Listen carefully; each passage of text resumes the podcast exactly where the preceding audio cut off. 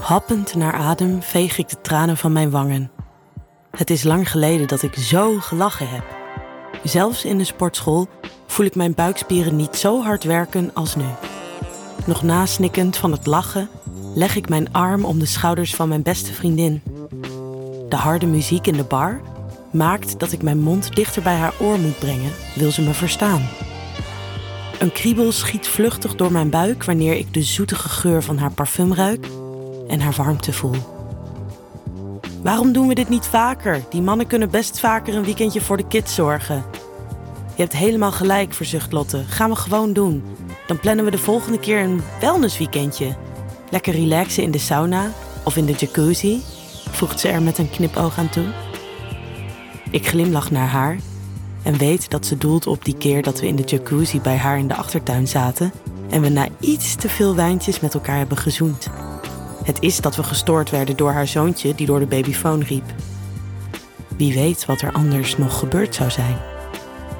Ik moet eerlijk bekennen dat ik na deze avond vaak gefantaseerd heb over wat er zou zijn gebeurd als we niet gestoord waren.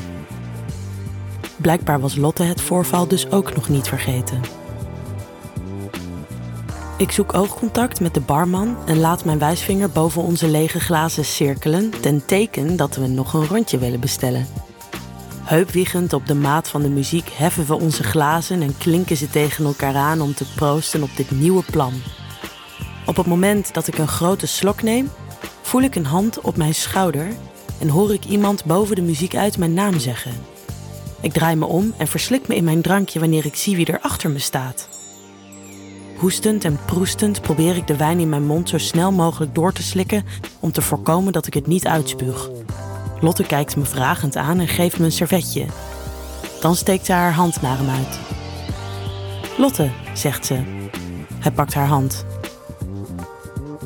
Bob. Ik zie aan haar gezicht dat zijn naam een belletje bij haar doet rinkelen. Bob en ik waren collega's jaren geleden. We waren toen beiden niet op zoek naar een relatie, maar naar seks des te meer. Gaat het, Suus? vraagt Bob me met een geamuseerde twinkeling in zijn ogen. Ja, ja, prima, stamel ik. God, dat is lang geleden zeg. Hij geeft me drie zoenen en ik hoop van harte dat hij in het donker van de kroeg niet ziet hoe mijn wangen de kleur van een rijpe tomaat krijgen.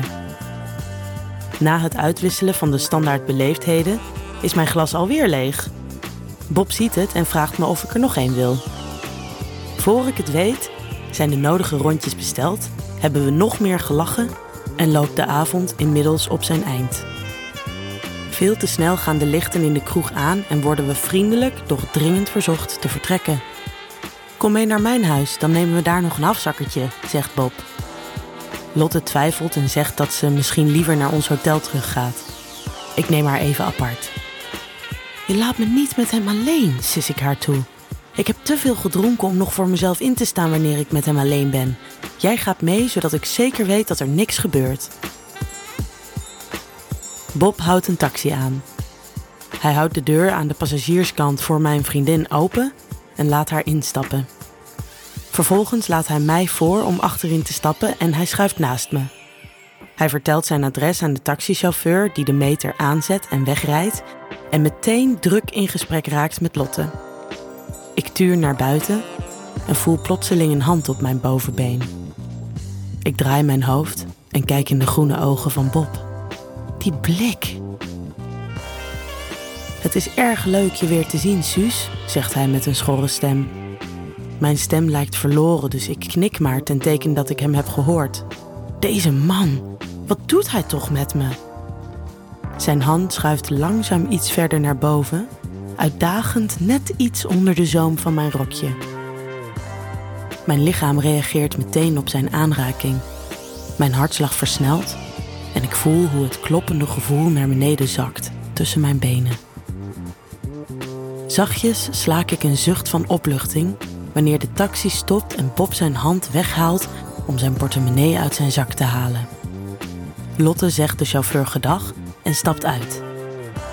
Bob houdt me tegen wanneer ik ook het portier wil openen. Hij legt zijn rechterhand tegen mijn wang zodat ik niet kan wegdraaien. Ik voel zijn lippen vlak tegen mijn oor en hij fluistert: Je bent nog net zo sexy als toen. Hij plant een zacht kusje in mijn nek voordat hij uitstapt en mij in totale verwarring achterlaat. Bob's appartement is verrassend ruim. In de woonkamer staat een grote leren hoekbank. Lotte laat zich in de fauteuil in de hoek ploffen, wat betekent dat Bob en ik de bank zullen moeten delen. Bob haalt een gekoelde fles witte wijn uit de keuken en schenkt drie glazen vol. Op een verrassend weerzien, zegt hij terwijl hij zijn glas in de lucht houdt.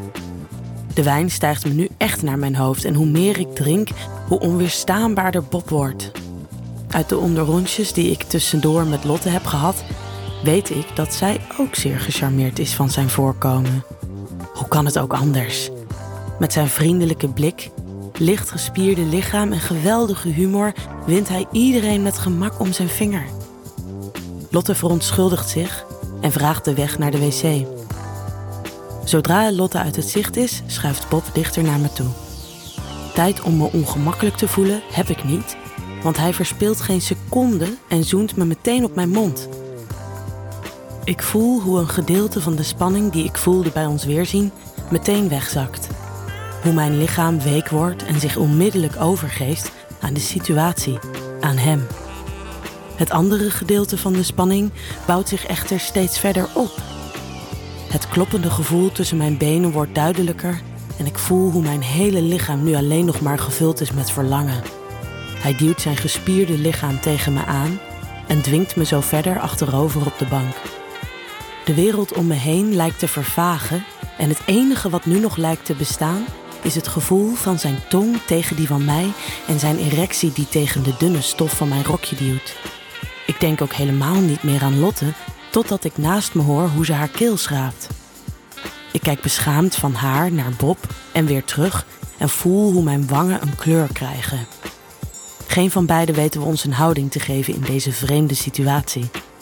Bob lijkt echter precies te weten wat hij moet doen. Hij staat op en pakt Lottes hand. Hij zoent haar voorzichtig maar doortastend op haar mond. Ik zie hoe het haar slechts een paar seconden kost voordat ook zij zich aan hem overgeeft. Ga zitten, zegt Bob. Lotte neemt naast me plaats op de bank en kijkt me aan. Ze kijkt me aan met dezelfde blik als die avond in de jacuzzi. Ik kijk Bob aan. Zonder dat ik hem iets heb gevraagd, lijkt hij te weten wat ik wil zeggen. Hij knikt naar me en zegt dat ik haar moet zoenen. Ik schuif wat dichter naar haar toe en buig voorover om mijn lippen op die van Lotte te leggen. Haar tong duwt zachtjes tegen mijn lippen, welke als vanzelf uiteengaan. Pas wanneer ik een hand op mijn borst voel, open ik mijn ogen weer. Bob is naast de bank komen zitten en heeft mijn borst in zijn linkerhand en die van Lotte in zijn rechter. Kleed elkaar uit. Zijn diepe stem klinkt een beetje schor wanneer hij de stilte doorbreekt. Mijn blik vangt die van Lotte. Gaan we dit echt doen? Ik pak haar hand en trek haar overeind. Mijn hand streelt door haar blonde krullen en ik stop een lok weg achter haar oor. De knoopjes van haar blouses maak ik één voor één open en ik laat mijn vingers onder de rand glijden zodat hij langzaam langs haar armen op de grond valt.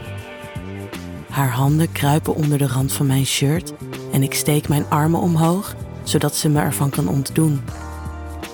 Ze schuift vervolgens mijn rokje naar beneden, waarbij haar handen even zacht over mijn billen strelen. Ze helpt me door zelf haar broek uit te doen. Na een tijdje neemt Bob wederom de leiding, wat ik helemaal niet erg vind. Hij zegt me dat ik op het brede stuk van de bank moet gaan liggen. Lotte krijgt de opdracht mijn borsten te verwennen met haar mond en haar tong. Tegelijkertijd voel ik hoe haar vingers over mijn buik strelend hun weg naar beneden zoeken. Twee vingers strelen nu over de bovenkant van mijn kaalgeschoren kutje. Bob zit tegenover me en ik zie hoe hij langzaam aan zijn lul trekt terwijl hij naar ons kijkt.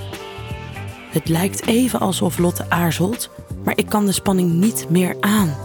Ik wil dat ze me daar streelt, op mijn meest gevoelige plekje. Ik pak haar hand en leid haar naar beneden. Ik leg mijn hand over die van haar en met mijn middelvinger duw ik die van haar naar beneden. Met mijn vinger leid ik haar tussen mijn natte lipjes door naar mijn klitje. Ik voel hoe haar vinger steeds zelfverzekerder zijn weg vindt, dus ik haal mijn hand weg en leg die nu tussen haar benen. Ze kreunt en stopt even wanneer ik twee vingers zacht haar kutje in laat glijden en tegelijkertijd met mijn duim zacht over haar klitje wrijf. Maar dan gaat ze vol opwinding door. We kreunen allebei steeds heftiger en ik voel hoe een orgasme steeds dichterbij komt. Bob merkt het ook en laat ons stoppen. Hij draagt Lotte op boven mijn gezicht te komen zitten en geeft mij de opdracht haar te likken. Opwinding heeft mijn lichaam en gedachten compleet overgenomen, dus ik twijfel geen moment en laat mijn tong door haar natte gleufje glijden. Ze smaakt veel zoeter dan ik had verwacht. Ik voel hoe Bob plotseling mijn benen tegen zijn gespierde schouders legt en meteen diep bij me naar binnen stoot, waardoor ik een diepe kreun slaak. Lotte kreunt steeds heftiger en ik voel hoe ze haar heupen steeds sneller tegen mijn gezicht duwt. Ik wil ervoor zorgen dat ze heftig klaarkomt, dus ik zuig nu steeds iets harder op haar klitje. Dan bereikt ze met een gil haar hoogtepunt en hijgt nog even na voordat ze weer naast me komt zitten. Ze buigt voorover en laat haar tong zacht over mijn lippen glijden, die nog nat zijn van haar orgasme. Dan daalt ze verder af naar beneden, neemt ze een van mijn tepels in haar mond en laat haar hand tussen mijn benen glijden. Het voelt alsof ik gek word van opwinding. Zelfs in mijn wildste fantasieën heb ik nog nooit gedacht dat ik dit zou kunnen voelen. Ik voel mijn orgasme sneller dichterbij komen en wanneer het moment daar is, heb ik het gevoel dat ik explodeer. Bob stoot nog een paar keer in me en komt dan met een diepe kreun in me klaar. We zitten met z'n drieën in stilte op de bank, nog nagenietend van wat er net gebeurd is. Dan schenkt Bob de glazen nog eens bij en zegt: Blijven jullie slapen vannacht? Ik kijk naar Lotte en aan de grijns op haar gezicht te zien, denkt zij precies hetzelfde als ik. We blijven, beantwoord ik de vraag van Bob. Hij geeft onze glazen aan en heft dat van hem. Proost dan maar, op een mooie nacht. En op het vervullen van fantasieën, voeg ik er met een veelbetekenende blik richting Lotte aan toe.